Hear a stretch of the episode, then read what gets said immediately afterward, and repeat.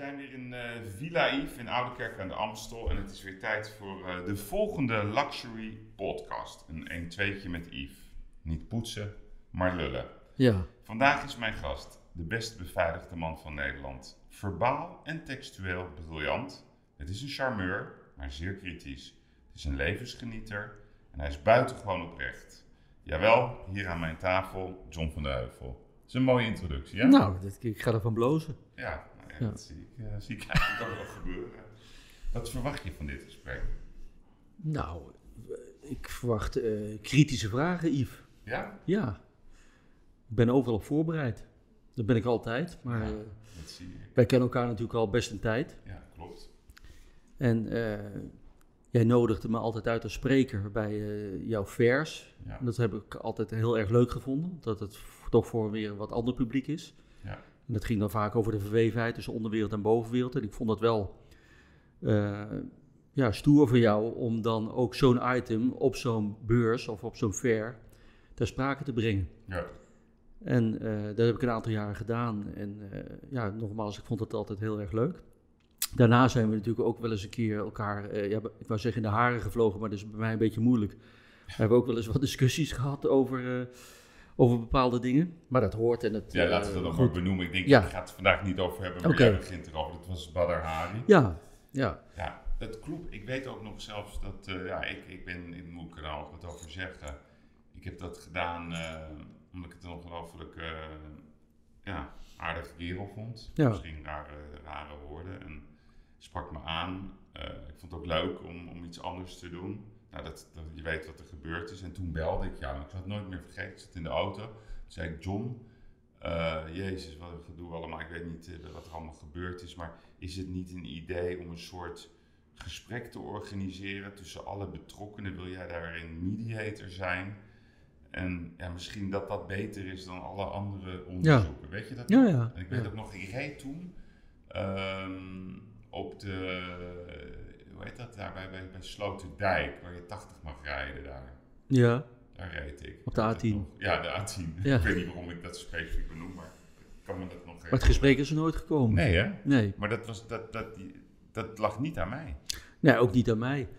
Ehm, ik weet eerlijk gezegd niet precies meer eh, waar dat dan eigenlijk is eh, gestokt, dat, Nee. dat initiatief. Het was Nee. op zich een prima plan. Ja. Want de verhoudingen waren toen eigenlijk niet zo best. En wat jij eh, overigens vertelde, eh, gold voor mij ook. Ik had tot dat moment best een goede verstandhouding met Badr Hari. Ja. Ik kan me nog herinneren dat ik een eh, keer een gesprek met hem voerde in het Okura Hotel. Ja. En dat was naar aanleiding van een aantal incidenten en ook een uh, paroolartikel dat hij een soort uh, persona non grata was geworden op het Leidseplein. Hij had daar portiers mishandeld, althans daar werd hij van verdacht. Mhm. En ik voelde wel het moment aankomen dat ik als misdaadverslaggever en niet als vechtsportliefhebber uh, over hem zou gaan schrijven. Ja. Dus toen heb ik hem gesproken in het Okura Hotel. En het was eigenlijk een heel realistisch gesprek en, en uh, hij was schuldbewust. En ik kan me wel overigens herinneren, dat vond ik wel heel vreemd, dat toen hij aankwam, uh, hij uh, ging zitten en, en uh, toen waren er nog van die telefoons waar je zo'n batterij uh, los kon koppelen. En het eerste wat hij deed tijdens dat gesprek was zijn batterij loshalen van zijn telefoon. Wat ik eigenlijk tot dan alleen maar bij criminelen had gezien, want die wilden Ja, dan niet dat ze werden afgeluisterd. En uh, dat kon toen in die tijd op die manier door zeg maar, het, het telefoon van afstand te activeren. Dus haalden ze batterij los. Ik zeg nou, Badder, dat is nou juist de reden uh, dat ik eigenlijk met jou wil praten. Want ik denk dat ik binnenkort over jou ga schrijven. Niet zijn als topsporter. Want ik vind dat je te dicht tegen de onderwereld aanschurkt. Nou, dat, ja, daar reageerde hij eigenlijk vrij laconiek op. En um, toen heb ik een artikel geschreven. En toen kwam ik hem daarna kwam ik hem nog eens tegen bij Momo. En toen zag ik hem in mijn ooghoeken aankomen. En ik denk, oh, dat wordt geen prettig uh, gesprek. En toen was hij eigenlijk ook weer hartstikke aardig en een Ja. hand geven. Tot het moment natuurlijk van het incident in, uh, in de arena bij, Ja. uh, bij Koen Everink. Ja. En toen, ja, toen zijn de verhoudingen niet optimaal uh, meer geweest. Daarna, overigens moet, moet ik zeggen dat ik hem eigenlijk uh, na de rechtszaken nooit meer ben tegengekomen of gesproken of ontmoet. En wat mij betreft is het de uh, zanger rancune. Hij heeft zijn straf uitgezeten. Ja. is een pittige straf geweest. En wat er met Koen Evering is gebeurd, weten we ook. Dus uh, ja, misschien dat er ooit nog eens dat gesprek uh, komt. Ik weet ja. Nou ja, helaas niet met Koen erbij. Nee. Eh, maar goed, we hebben overeenkomsten. Ik heb hem ook voor het eerst ontmoet in een Topura. Dus blijkbaar was dat zijn uh, pied-à-terre. Daar heb ik toen voor het eerst met hem gesproken. Maar we gaan het niet over hem hebben. Um, jij vertelde mij net, toen we beneden stonden... Ik zeg, hoe gaat het met je? Ben je op vakantie geweest? Je ziet er goed uit. toen zei je, ik kom net terug uit Colombia. Wat heb je daar gedaan? Ik heb daar gedraaid, gefilmd voor een documentaire die het najaar op Videoland te zien is. Het gaat over de cocaïneoorlog. Uh, die eigenlijk natuurlijk begint in Colombia, want daar komt het spul grotendeels vandaan. Ja. 90 of 80 procent van de wereldwijd geproduceerde cocaïne komt uit die regio. Colombia, Bolivia, Peru. Dus ik ben meegeweest met de speciale eenheden die die cocaïne teelt proberen te bestrijden. Ik ben met zijn speciale politie-eenheid de jungle in geweest. Met helikopters naar de coca-velden gegaan. we hebben invallen gedaan in cocaïne-laboratoria was allemaal buitengewoon spannend en heftig. Ik heb met een uh, misdaadjournalist in Medellin uh, gesproken. Medellin is eigenlijk de cocaïnehoofdstad uh, altijd geweest van Colombia. Nou, er zijn wel meer steden nu, maar dat is natuurlijk de, de, de plaats waar Pablo Escobar opgroeide en zijn imperium opbouwde en uiteindelijk zijn kartel eigenlijk van, daar vandaan leidde. En mijn collega misdaadjournalist in Medellin wordt net als ik 24-7 beveiligd. We hadden de hele dag hadden we, ja, zwaar bewapende politiemensen om ons heen, omdat hij had geschreven over de verwevenheid tussen het, uh, de politieke Medellin en de drugsmafia. En vanaf dat moment uh, stond zijn naam op een dodenlijst en, en wordt hij dus ook 24 uur uh, per dag beveiligd. En dat vond ik toch wel een keer bijzonder om met een lotgenoot eigenlijk daar eens over te praten. En ik ben met een duikteam mee geweest waar in, in, in de haven van Santa Marta waar ze dus grote containerschepen onderzoeken. Wat blijkt, dat is al langer bekend, dat onder die grote schepen die dus naar West-Europa of naar uh, Noord-Amerika varen, daar lassen ze torpedo's onder en daar zit dan cocaïne in. En die kun je alleen dus met, met duikers kun je die ontdekken. Dus ik heb mijn duikpak aangetrokken en ben diep onder, de, onder het schip doorgedoken met een ervaren politieduiker, een, een, een dame. En dat was ook heel spannend. En ja, ik heb nog veel meer meegemaakt. Ik zit er nog helemaal vol van. Want dit is eigenlijk de reis die ik altijd had willen maken. Ja, maar dit, dit klinkt ook een beetje als John Wick, James Bond, uh, Jack Reacher. Uh, heb je ook het idee dat je dan, als je daar bent, dat je in een film zit? Dat ja, je, af en toe. je een van de hoofdrolspelers van die film bent? Nou, niet een van de hoofdrolspelers. Ik ben een van de deelnemers. Ik ben waarnemer van wat daar gebeurt. En dat vond ik buitengewoon interessant. En ik ben uh, eh, 19 jaar geleden voor het laatst in Medellin geweest. Uh, toen heb ik in de gevangenis daar uh, Roberto Escobar geïnterviewd, de broer van Pablo. Ja. En toen was Medellin een stad in oorlog. en het was heel heftig wat er daar toen gebeurde. honderden moorden per jaar.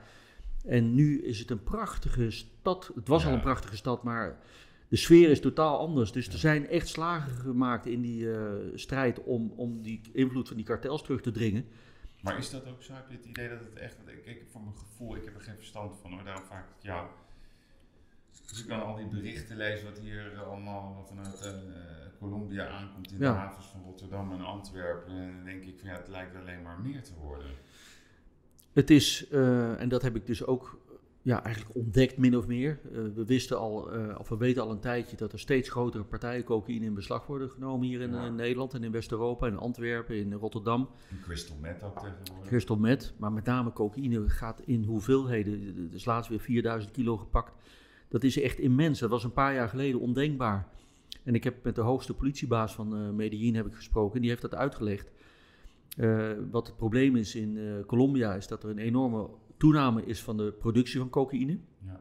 Om milieuredenen mogen ze daar die velden, die plantages niet meer met bepaalde pesticiden bestrijden. Dus het is een ongebreidelde groei van cocaïneplantages, uh, velden. En de productie neemt dus toe. Dus ze dumpen nu die grote partijen eigenlijk min of meer maar gewoon op de markt om, om extra markt, om extra afzet te creëren. Dat doet de prijs wel iets dalen. Ja. Maar de, ja, men houdt zo toch wel een behoorlijke winstmarge over. En dat is wat er op dit moment aan het gebeuren is. En die cocaïneoorlog ontstaat dus eigenlijk uh, in Colombia nu omdat er zoveel overgeproduceerd wordt.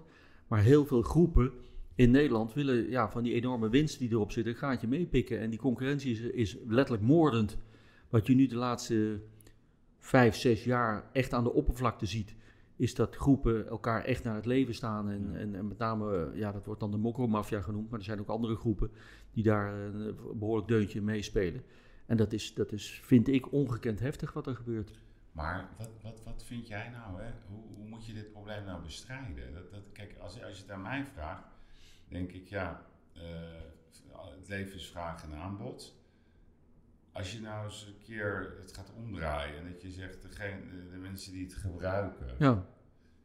die, die krijgen hele andere boetes. Ik heb altijd het idee dat als je, als je in Nederland te hard rijdt, nou, dan word je op alle mogelijke manieren geflitst de boete ligt nou binnen no time uh, bij je op de mat. Dus blijkbaar kunnen we als, als, als staat wel degelijk burgers goed controleren. Moeten we niet een soort wet gaan aannemen dat het gebruik van cocaïne en de vrienden van de cocaïne en de familieleden van de cocaïne, dat het gebruik daarvan, dat daar veel hele andere straffen op komen te staan. En dan denk ik dat het voor de aanbieders minder interessant gaat worden. Ik ben het uh, grotendeels uh, met je eens.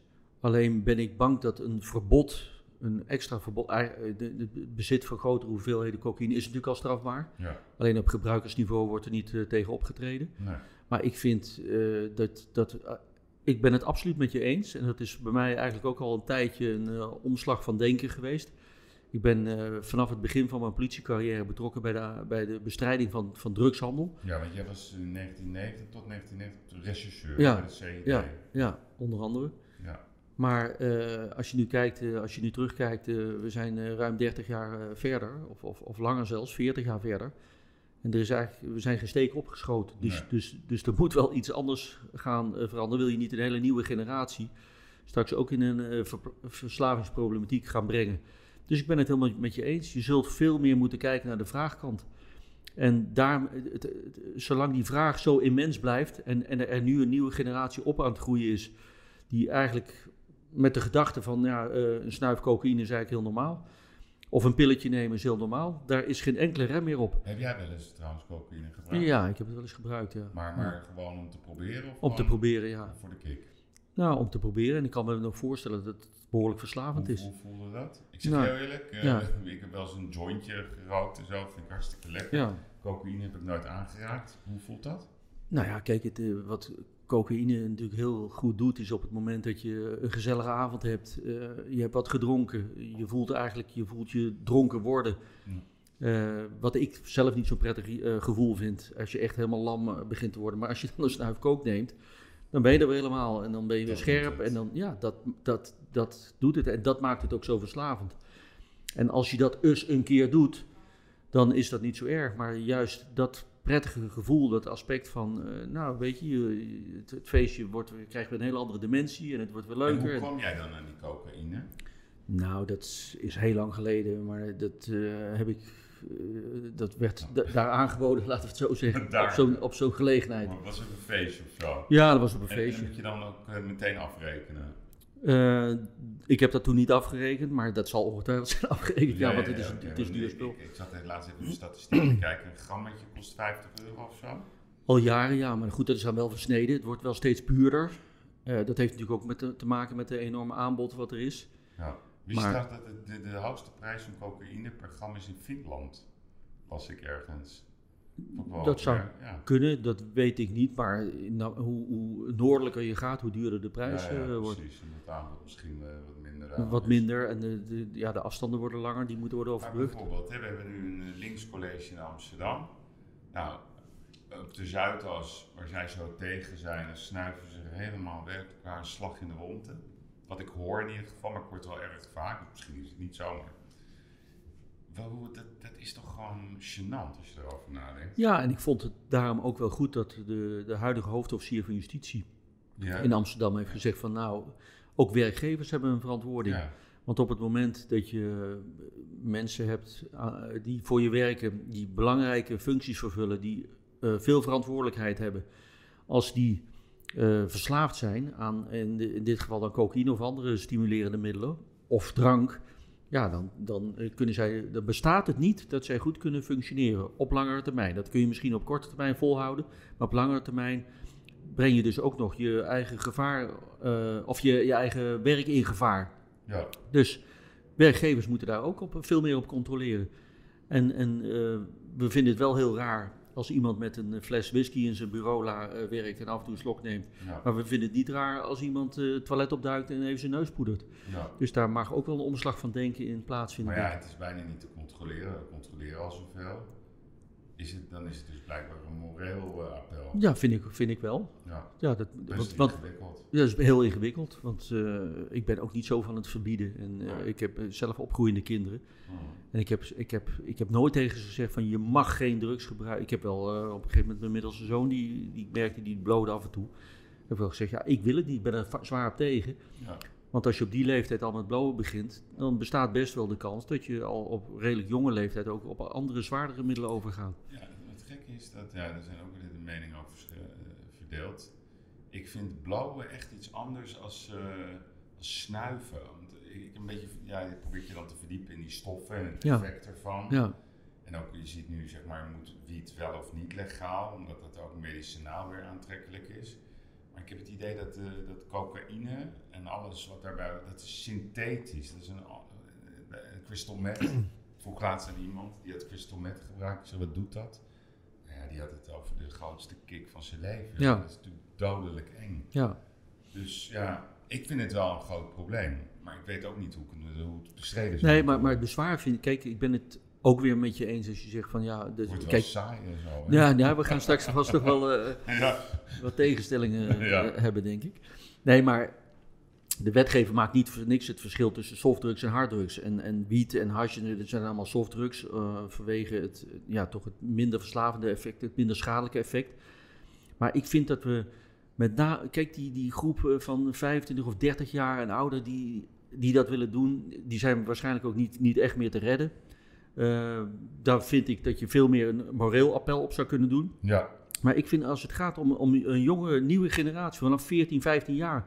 Als je op die leeftijd begint met blowen, is de kans gewoon levensgroot aanwezig dat je op je 16 en 17 dat niet zo spannend meer vindt. En dat je aan de pillen gaat of aan de crystal meth of aan de coke. Ik vind dat een levensgroot gevaar. En ik vind dat er op dit moment onvoldoende gebeurt vanuit de overheid.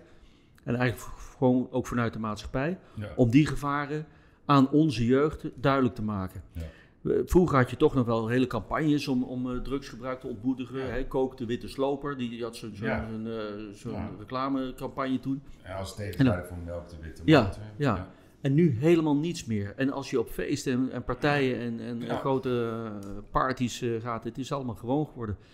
En dat is iets, ja, dat, dat vind ik, dat zou wel, daar zou wel iets in kunnen veranderen. En op het moment dat je dus aan die kant, die vraagkant, eh, iets kunt betekenen, ja, dan eh, tref je eigenlijk de drugsbendes het hardst. Ja, dat denk ik ook. Hey, nog even terug met wat ik net bedoelde. Ik zeg hoofdrolspeler in je eigen film. Wat ik eigenlijk bedoelde. ehm, kijk, ik kan me best voorstellen als je meegaat op zo'n reis naar Colombia. eh, onder, onder water met onderzeeboten, in helikopters, beveiligde politiewagens. Dat is ook beetje een jongensdroom. Als je aan, aan jongens vraagt, wat vinden jullie spannend? Ja. dat vinden ze spannend. Ben jij op dat moment dan ook even geen journalist en krijg je er ook adrenaline kick van wat je aan het doen bent? Ik vind het wel heel gaaf wat, wat ik aan het doen ben. En eh, dat, is, dat is ook eh, eigenlijk mijn leven en mijn werk. Om Vind je dat, dat, soort gevaarlijk? Weet je, dat is, is niet zo dat dat, dat dat even gevaarlijk is op zo'n moment. Omdat je te veel opgaat in het, ja, misschien ook wel in het plezier van wat je dat op dat moment aan het doen bent. Nou, ik, eh, mijn, mijn eh, en dit noem ik een luxe probleem. Mijn eh, kwestie van dit moment is dat ik eigenlijk best wel veel leuke dingen op een pad ontmoet. En ik soms keuzes moet maken die ik heel moeilijk vind. Om, om, om eigenlijk ja, redenen van gewoon te veel eigenlijk bordjes omhoog houden. Nee, maar ik bedoel echt het crime onderdeel. Het, het, bent- risico wat eraan vast zit, bedoel je? Nee, jij bent crime reporter. Ehm, ik zeg gewoon een paar voorbeelden. Hè. Dus je kan bevriend raken met een crimineel. Daar kunnen we het straks ook even over hebben. Maar je kan het ook zo kicken vinden wat je doet. Dat je gewoon eigenlijk vergeet dat je gewoon een journalist bent. Die gewoon misdaad aan de kaak moet stellen. Ja, Ga je eh, soms daar niet helemaal in mee. Dat, dat het bijna leuk aan het worden is. nee, dat, dat vind ik niet. Nee, ik blijf toch altijd wel oog houden voor die eh, zwarte kant van, eh, van de misdaad. En ik eh, zie het zeker. Kijk, ik maak jongensboekachtige dingen mee misschien. Ja, Maar ik eh, loop inmiddels lang genoeg mee eh, dat ik wel de, de scheiding kan maken tussen de glitter en glamour en de harde realiteit. En als ik dan op, ook op zo'n reis bijvoorbeeld weer met ex-leden van kartels praat, want dat heb ik ook gedaan. Ik laat Ja. niet alleen de politiekant zien, maar ook de andere kant laat ik zien. En Want ik, zou, dat zouden de beste rechercheurs zijn. De ex- ja, ja, ja, Dat is geen enkele discussie, lijkt mij. ja. Ja, maar boeven vang je boeven eh, is Ja, natuurlijk eh, ja met bekend en boeven gegeven. van je boeven, toch? Ja, Ja. Zijn er ook veel ex-kartelleden die uiteindelijk onder dwang, denk ik, dan in het rechercheapparaat Nee. terechtkomen? Nee? Nee, kijk, het, is wel om, het is wel omgekeerd dat er eh, natuurlijk rechercheurs, politiemensen gecompromitteerd raken, eh, corrupt worden, Ja. eh, door allerlei redenen. Eh, maar echt criminelen die overstappen naar, naar de politie, omdat ze de andere kant, voor de andere kant kiezen, ja, dat is alleen om praktische redenen on- onmogelijk. Want dat je toch, eh, je mag geen strafblad hebben of, of geen, natuurlijk geen criminele achtergrond om bij de politie te kunnen werken. Want is er in Nederland eh, corruptie bij de politie? Er is in Nederland ongetwijfeld eh, corruptie. Dat, daar zijn ook wel genoeg voorbeelden van. de voorbeelden zijn de laatste jaren eigenlijk wel heel indringend geweest. En, en we hebben laatst een enorm corruptieschandaal bij de douane gehad. Ja. Met regelmaat van de klok worden er, worden er marechaussées gearresteerd op Schiphol. Die eh, toch niet, de verleiding niet kunnen weerstaan. En dat is ook logisch. Want die drugsbendes die, ja, die beschikken over ongelimiteerde hoeveelheden geld. Hmm. En, en eh, politiemensen en, en douaniers en marechaussées, die worden redelijk betaald, maar ook bepaald niet overbetaald. Dan wil ik niet zeggen dat eh, als ze 1000 euro per maand meer zouden krijgen, dat ze dan niet ontvankelijk zouden zijn. Maar het schat is wel heel erg groot. Ja, En eh, mensen moeten heel stevig in de schoenen Dus staan. moeten echt stevig in de schoenen doen. nou, het is wel goed, te doen, want eh, 90, 95 procent doet dat werk uit volle overtuiging en eh, is wel gewoon recht, eh, oprecht en integer. En wil een bijdrage eh, leveren aan een veiliger maatschappij. Maar er, is een, er zijn een aantal eh, rotte appels, ja. En dat kan, als je, ik heb een aantal van die corruptiegevallen wel eens eh, onderzocht en bekeken. En, en eigenlijk in, in geen van die gevallen was het zo dat mensen nou eens tot op een dag tot de beslissing voor zichzelf kwamen van nu ga ik crimineel worden en nu ga ik informatie eh, doorgeven. Dat is een heel glijdend eh, proces geweest. Maar als jij, jij, jij bent ervaringsdeskundige, als jij anno 2019 een, een, een cijfer zou moeten geven aan, aan het Nederlandse politieapparaat eh, ten aanzien van corruptie, is het dan minder geworden de corruptie of denk jij het is meer geworden? Nou, dat vind ik heel moeilijk te zeggen. Het is, ik, ik zou... het is eh, ook een gevoelskwestie, ja. want ik bedoel, jij kan dat van binnenuit redelijk goed zien. Ja. Goed Nou, het, kan in een aantal gevallen niet anders dan dat er informatie vanuit eh, zelfs hogere kringen bij het Openbaar Ministerie, ja. bij politie, bij douane, bij criminelen terecht is gekomen. Dus dat, dat moet met corruptie te maken hebben. Maar op welke schaal vind ik heel moeilijk vast te stellen. Of dat nou beter of, of minder. Nee, maar een gevoel, weet je, dat is... Nou, mijn gevoel, ik, ik vind het best wel zorgelijk dat je. Kijk, je kunt Ja, spreek je uit. Nou, ik, ik, vind het, ik vind het zorgelijk dat we met zoveel corruptiegevallen de laatste tijd Ja. geconfronteerd zijn. Maar je kunt daar ook ten gunste weer van zeggen van ja, er wordt ook meer naar gezocht. Eh, er zijn, iedere politieeenheid heeft speciale teams ingesteld om corruptiegevallen te onderzoeken. Dat had je vroeger niet. Dus als je het niet eh, zoekt, dan vind je ook niks. En nu wordt er actief naar gezocht. Het einde van je, van je, van je rechtsstaat, als, als, als, als dat virus zeg, Ja. zichzelf verspreiden. Ja. Kijk, en de, de- kijken we altijd met heel veel dédain naar Zuid-Amerikaanse landen en, en Aziatische landen waar corruptie natuurlijk hoogtij viert. En ik heb daar zelf ook eh, behoorlijke voorbeelden van gezien. Mhm. Maar, maar laten we alsjeblieft niet eh suggereren dat we hier heiliger dan de paus zijn op dat vlak. Want ook die voorbeelden, die, die, die ken ik wel degelijk. En, eh, ja, dus je moet op het verschijnsel corruptie altijd buitengewoon alert zijn. Mhm. En niet alleen in mooie beleidsnota's veroordelen en, en aanpak beschrijven, maar eigenlijk ook vooral teruggaan naar de basis. Ja, En, en de beste corruptiebestrijders zijn de mensen van de werkvloer, want die zien wat er rond eh, of met een naaste collega gebeurt. En eh, ik heb dat boek eh, De Schiedamse Kookmafia gelezen, dat Ja. is pas uit. En als je dan leest hoe zo'n douanier, zo'n corrupte douanier, jarenlang zijn gang kan gaan, met geld kan smijten en dat niemand van zijn directe collega's... dat is wat ik bedoel. Dat ik, kijk, ik, vraag die, ik stel die vraag aan jou. Als je nou aan mij vraagt, ja, wat is jouw gevoel? Mijn gevoel is dat het alleen maar meer meer wordt. Er verschijnt bijna iedere maand een boek over van de Mokro-maffia tot de Schiedamse kookmafia. Eh, een, een Netflix-serie over Jaan en Zweden. Het gaat maar door. Ja. Ja, ik heb het idee dat, eh, dat, eh, dat de politiek eigenlijk helemaal niet weet wat er aan de hand is. Dat heb, idee heb ik. Want als ik, als, ik spreek ook wel eens wat politici zo in de wandelgangen. Ja. Ja, die zeggen dan niks. Maar ja, als je een beetje doorvraagt, dan denk ik van ja, hebben jullie eigenlijk wel enig idee wat er echt aan de hand is?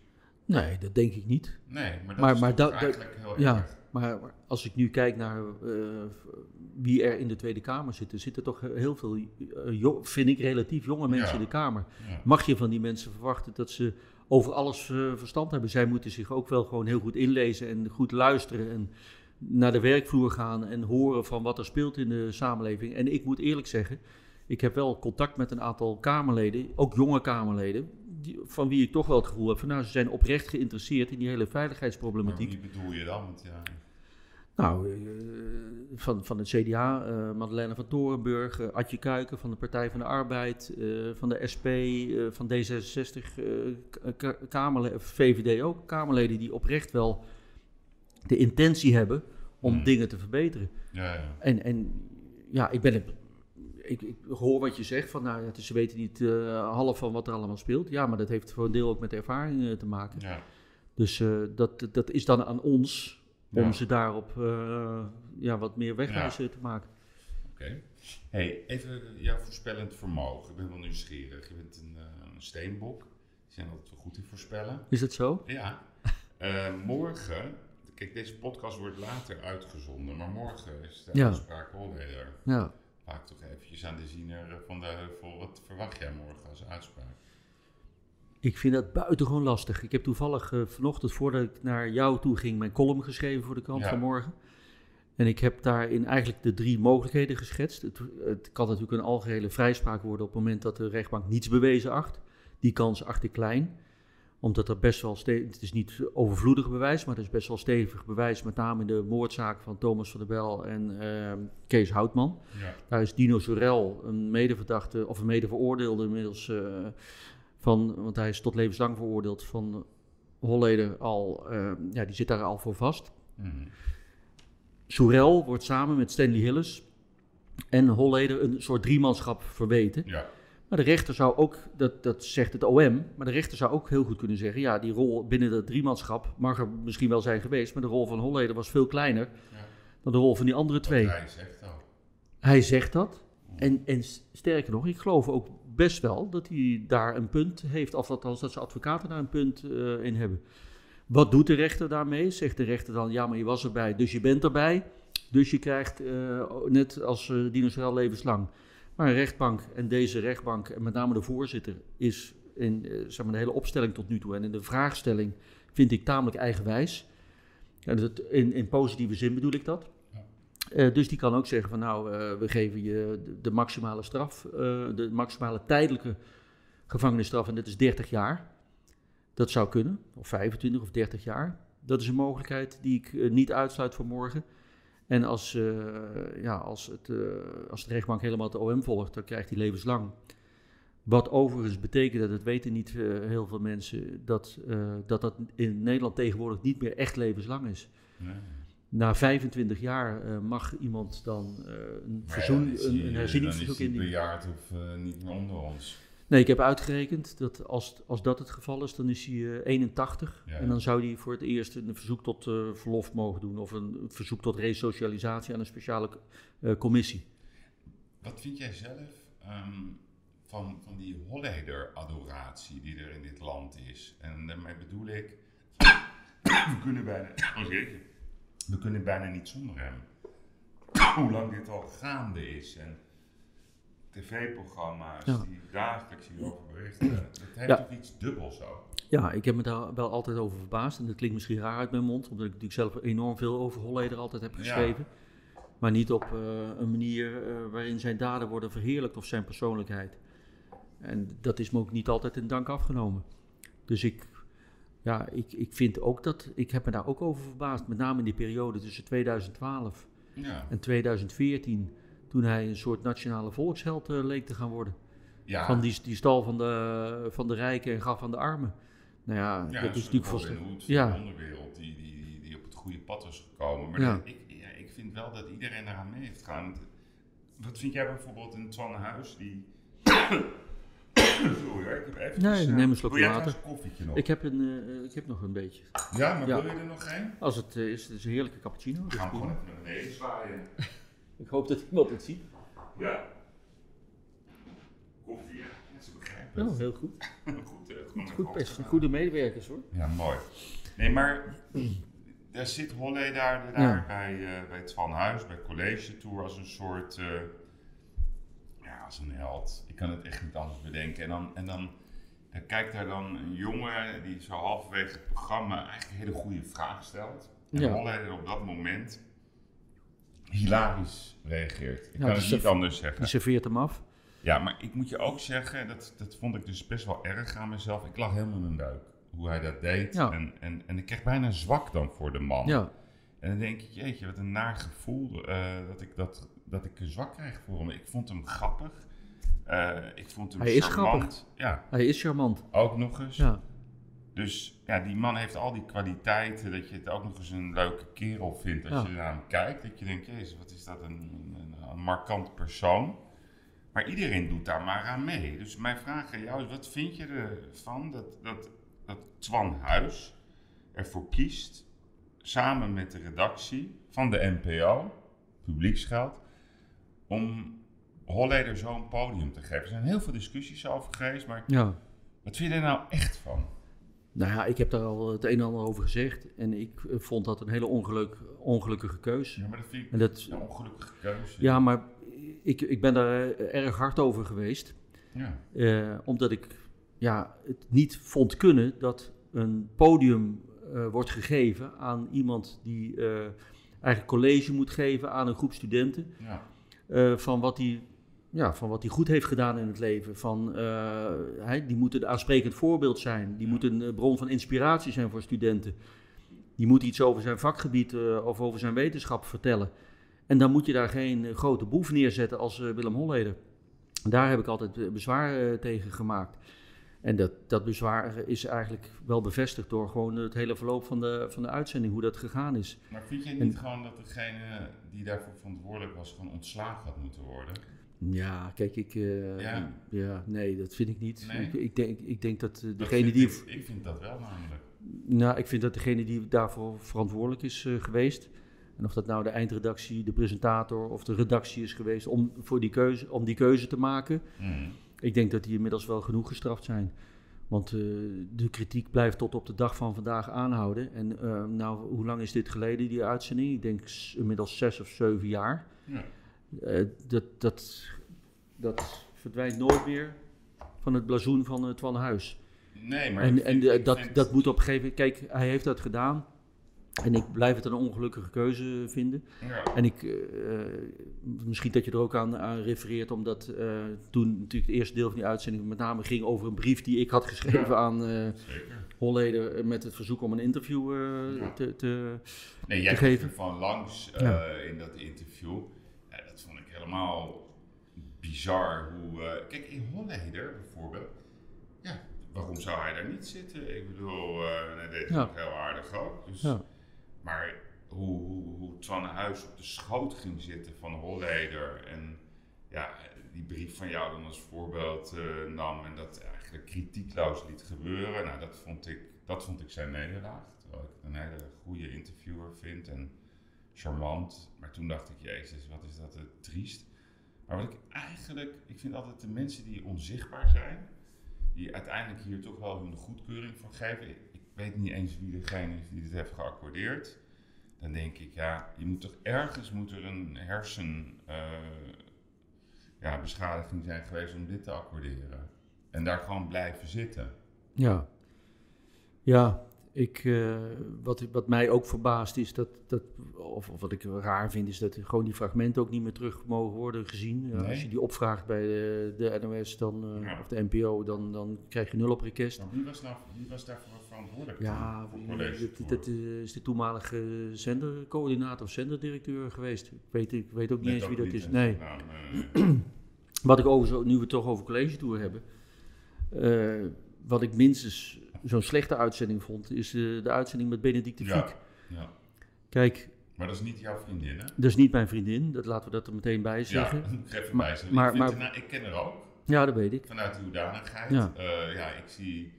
Toch even zeggen wat ik van haar vind. Eh, ze is scherp, maar dat zijn alle advocaten. Volgens mij doen advocaten ook niet aan waarheidsbevinding.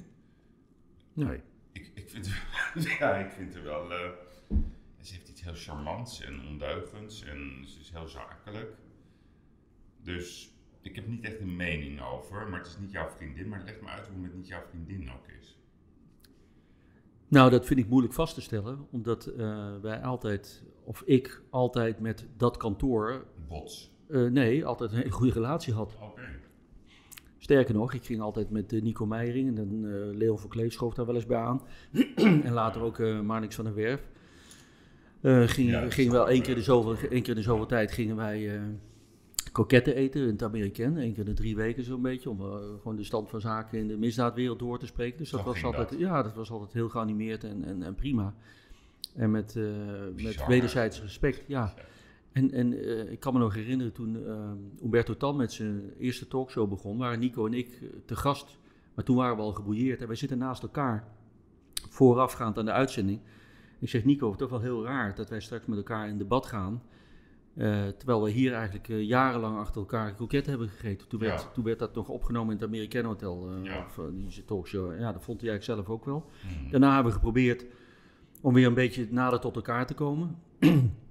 maar ja, onze, ja, onze zienswijzen verschillen eigenlijk zoveel van elkaar dat dat, dat niet meer goed komt tussen ons, denk ik. En voor Fiek gold hetzelfde, want ik had prima verstandhouding. En ik heb zelfs nog wel eens een keer een reportage over haar geschreven voor Esquire. En, en, en eh, ja, het zal, aan, hem- het zal aan mij liggen. Het zal aan, eh, aan, de, aan dat kantoor liggen. Eh, Ja. Als, als dit soort conflicten ontstaan, dan zijn er natuurlijk beide partijen schuld aan. Maar ik, nee, ik, ik, ik kan er weinig Maar wat bedoel je dan? Je, ik kan niet waarderen. Zijn zij, onder, zijn zij verweven met de onderwereld? Is dat wat Nou, ik vind het eh, spreekbuizen geworden van de onderwereld. Ja, Ja, ja. Maar dat is best wel een grote uitspraak. Ja, ja, en dan eh, zullen ze wel verschrikkelijk boos zijn. En dan eh, zal ik straks wel weer boze brieven en boze e-mails krijgen. Maar zo zie ik het. En dat zeg ik ook niet zomaar. Dat is om een aantal redenen. we hadden het over die, dat, ja, dat, dat, eh, die uitzending met college tour met Benedict Fiek. Dan denk ik, ja, als je nou eh, studenten iets wil meegeven over de dilemma's in de advocatuur. O- ook een inspiratie wil zijn voor mensen die rechten willen gaan studeren of in de wereld van het recht willen gaan werken. Nou, dan had ik eh, duizend andere advocaten beter gevonden. Want ik, ik vind haar een, een zeer, zeer gebrekkige moraliteit hebben. En, Ja, oké, maar wacht eens even. Nu kom je wel bij iets heel spectaculairs. Want advocaten en moraliteit, ja, daar kunnen we natuurlijk nachten, weken, maanden, jaren over discussiëren. ja, Zij, dat is nou ons rechtssysteem. Zij doen er alles aan om hun cliënt uit de waaiers te houden. En heel soms, als je een advocaat vraagt wie wil je niet verdedigen, nou, ik weet nog van Moskowitz, ja, een oorlogsdader, omdat dat vanuit zijn verleden, dat is zijn grens dan. Maar advocaten doen toch niet aan waarheidsbevinding. Moet je van een topadvocaat verwachten dat hij de moraliteit heeft, wat wij vinden dat het zou moeten zijn? Oh nee, maar het een hoeft het ander niet uit te sluiten. je Op, jij, jij, jij, eh, ik vind het een groot goed dat je als advocaat opkomt of op moet komen Ja. voor de eh, rechten en de belangen van je cliënt. En dat je daar tot het uiterste ingaat, vind ik ook te prijzen. Ja. En dat eh, heb ik ook altijd gevonden van dat kantoor. Maar op het moment dat je gaat schipperen met, met moraliteit. Maar wat bedoel je daarmee dan? Nou ja, ik, weet je waar ik bijvoorbeeld zo moe van word? Is dat ik eh, dan Benedicte Fiek eh, de moraalridder hoor uithangen eh, bij de Wereld Draait Door als het gaat over de tabaksindustrie. Over roken. Over roken. En dat, oh, een schande en, en dat, dat is is toch verderf. gewoon toneel? Ja, maar, maar dan ben je zelf wel advocaat en partner van een kantoor wat al jarenlang de grootste drugshandelaren bijstaat. Eh, en, ja, de- ik, ik kan daar niet, ik kan daar Ja, niet zo goed. de- goed, dat moet, je, dat, moet je, dat moet je dan misschien zakelijk zien. Dat, Ja, dat ik zal haar. er gewoon doorheen. Ik Ja. denk van ja, Ja, nou, ik, Ja. ik, denk dan, Ik ik denk dan mevrouw. Ja, Ik maar, denk- maar wordt het dan te persoonlijk? Kijk, weet je wat ik zo grappig vind? Is journalisten in algemene zin, eh, als de bal zeg maar naar hun wordt gekaatst, dan zijn het eh, buitengewoon gevoelige diertjes. Ehm, ja, nou, niets menselijks is ook journalisten vreemd. Ja, toch? Ja, en eh, ja, goed, ik... eh, Zij is misschien ook een hele goede journalist. nou, maar ik weet niet of ze goed kan, kan Nee, schrijven, maar- maar, ze, is, ja, ze, is intelligent, ze, is, ja. ze is intelligent genoeg. Dus eh, ik denk wat dat dat... je eens een keer een kopje koffie moet eh, met Nou ja, wellicht, wellicht dat het er ooit nog van komt. Ja. John, zeer eervol. Jij bent eh, 28 juli te gast bij Zomergasten. Ja, Dat vind ik echt eh, een mega compliment. Eerste gast ook nog eens. Vorig jaar was het volgens mij Louis van Gaal. Ja. Wat, eh, wat, wat, hoe gaat dat hele proces als je, als je gast wordt van Zomergast? Nou, je hebt eh, eerst een, een soort eh, intakegesprek. Ja, Dus ik denk dat ze een aantal kandidaten op een lijstje ja, hebben. een En, sollicitatieprocedure. Nou, echt sollicitatie, ik weet niet of het zo is, maar we hebben tijdens dat gesprek wel doorgenomen van hoe mijn ideale televisieavond eruit zou zien. Mhm. En daar heb ik een aantal suggesties in gedaan en kennelijk vonden ze dat leuk en interessant. En v- vervolgens, er is wel veel meer werk in gaan zitten dan, of werk, dat klinkt zo, eh, maar... Ja, maar- ik hoorde altijd dat er heel veel interviews nog tussendoor Ja, plaatsvinden, ja, gesprekken. Ja, ja, je moet natuurlijk al die, die fragmenten moet je gaan uitzoeken. Eh, nou, in mijn geval zijn we er in ieder geval al wel een paar weken mee bezig. Ja, Maar ik vind, ja, dat vind ik wel wel heel, heel erg leuk om, om zo ook maar de kijker iets te laten zien over mijn, over mijn werk. En de dilemma's waar je mee te maken Ja. hebt, de risico's, eh, ja, de aspecten die denk ik niet zo snel naar voren komen op het moment dat mensen mij bij Boulevard zien staan of, of mijn stukjes in de? Telegraaf. Nee, het is live. Oh, het is echt live? Ja. Oh, dus ik kan Ja. dan niet vragen naar het hoogtepunt van de avond? Nee, nee, dat moet ik allemaal nog geheim eh, houden. Trouwens, ik weet het ook nog niet. Ik heb nu aanstaande vrijdag weer een, eh, ja, een halve dag dat we met elkaar gaan zitten Ja, om alles door te spreken. En, eh, Maar het is overigens niet zo. De- wij gaan ook nu eh, ja, eigenlijk totaal eh, blanco dit gesprek Ja. in. En dat Ja. vind ik ook leuk. En dat Ja. is bij Zomergast ook. Dus eh, we- ik heb wel een paar thema's aangegeven. maar maar het het kan is- alle kanten op Het kan alle schieten. kanten op gaan. Ja, leuk, spannend hoor. Ja. En heb je dan zo die setting, hè? Ja, ik moet toch even noemen. Ehm, je komt hier ook met, met beveiligers, het is inmiddels wel algemeen bekend. Het is live, nou, dus dat is wel bekend. Hè? Dat het Ja. dan allemaal op dat moment wordt uitgezonden. Is dat dan, wordt het dan een heel eh, die, die avond? Een soort eh, vesten bijna? Dat, ja, hoe dat beveiligd gaat worden, daar hou ik me niet mee, mee bezig, eerlijk gezegd. Nee, en ik zit natuurlijk wel meer bij live programma's. Mhm. Bij Boulevard was dat even een punt. Dat, dat lag me zwaar op de maag. Ja, En, en nu kan dat gelukkig weer. Dus eh, ja, dat gaan we gewoon doen. En hoe, hoe dat allemaal beveiligd wordt, dat laat ik me zo min mogelijk eraf leiden. Oké. Hey John, wat het leuk is van dit gesprek, of dat vind ik in ieder geval het leuk van dit gesprek, we gaan van, van het vak ook naar ongelooflijke andere verschillende invalshoeken. Dat zijn, dat noem ik dan Yves Questionnaire. Ja. Pittige vragen, persoonlijk, onverwachts, grappig, opmerkelijk, serieus, soms een beetje belachelijk, maar ook wel bedoeld om uit te dagen. Jij bent een, eh, geboren in Amsterdam, opgevoed in Eindhoven. Ja. PSV? Ja. Ja, Jij begint meteen te lachen. Ja.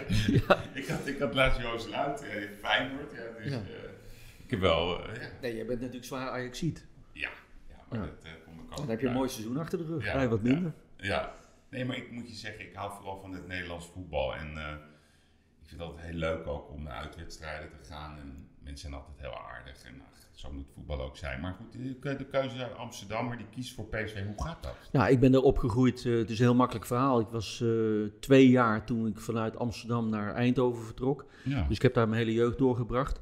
Ik ben bij, eh, bij FC Eindhoven, dat heette toen nog EVV Eindhoven, ben ik gaan voetballen. En vanaf mijn, denk ik, vanaf mijn tiende, elfde ging ik ook om en om eigenlijk naar Eindhoven kijken, zondags en, en zaterdagavonds als PSV thuis speelde naar PSV.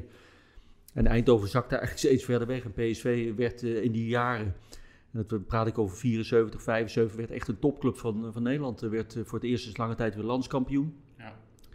Dus ik vond het heel leuk om eh, daar op de tribune te staan. En eh, in, in, op de haven in Eindhoven, een, een vriendje van me, eh, zijn broer, eh, zijn bro- oudere broer speelde toen in het eerste van PSV. Dus we gingen ook heel vaak naar uitwedstrijden. Ik vond het ook wel leuk en interessant om een beetje tegen die harde kern aan te schurken. Dus eh, als 15, 16-jarig jongetje is dat natuurlijk allemaal buitengewoon spannend. Echt, het was een tijd, dat kun je niet, meer voorstellen. Maar supportersgroepen waren niet gescheiden. Dus je had eh, in het PSV-stadion had je de L-tribune, wij noemden ons dan de L-side. Maar eh, als dan Ajax of Feyenoord of FC Utrecht, dat waren dus zeg maar de, de harde kernen en de, de, de gewelddadige supportersgroepen uit die tijd, als die dan naar Eindhoven kwamen, dan stond dat gewoon allemaal door elkaar heen. Ja. Dus iedere wedstrijd ontaarde in een gigantische knokpartij. Dat kun je nu niet meer voorstellen, maar dat en was... deed jij ook mee? Ik, eh, ja, ik vond het allemaal buitengewoon spannend, ja. Dat Het is niet zo- eh, Dat is antwoord. allemaal... Ik, ik, neem ik, stond met, je ik stond met mijn neus vooraan. Ik, ik, heb, Je ik heb nooit, ik kan echt oprecht zeggen, ik Ja, heb echt? nooit eh, treinen gesloopt of, of Oh. andere dingen gedaan. Geen treinen, maar wel... Ik heb wel mee gedaan met, ja, af en toe met zo'n confrontatie. Ja. En kreeg je dan, was jij degene die, die dan ook wel uitdeelde of lag je op de grond? Ik heb nooit, eh, ik heb nooit op de grond gelegen, Nee. zover ik me dat kan Maar herinneren. ben je, ben je, ben je, ben je, ben je wel goed in vechtsport en Nou, uitdelen? Was je wel sterk? Nee, ik ben, niet, ik, ik, ik, vind het, ik ben nu sinds kort ben ik weer gaan boksen, Ja, ja. omdat ik dat leuk vind. Maar ik eh, ben zeker niet een eh, geboren vechterspaas. Daar heb ik het, niet het talent voor. En Nee. Als ik, ik vind, ben wel een vechtsportliefhebber.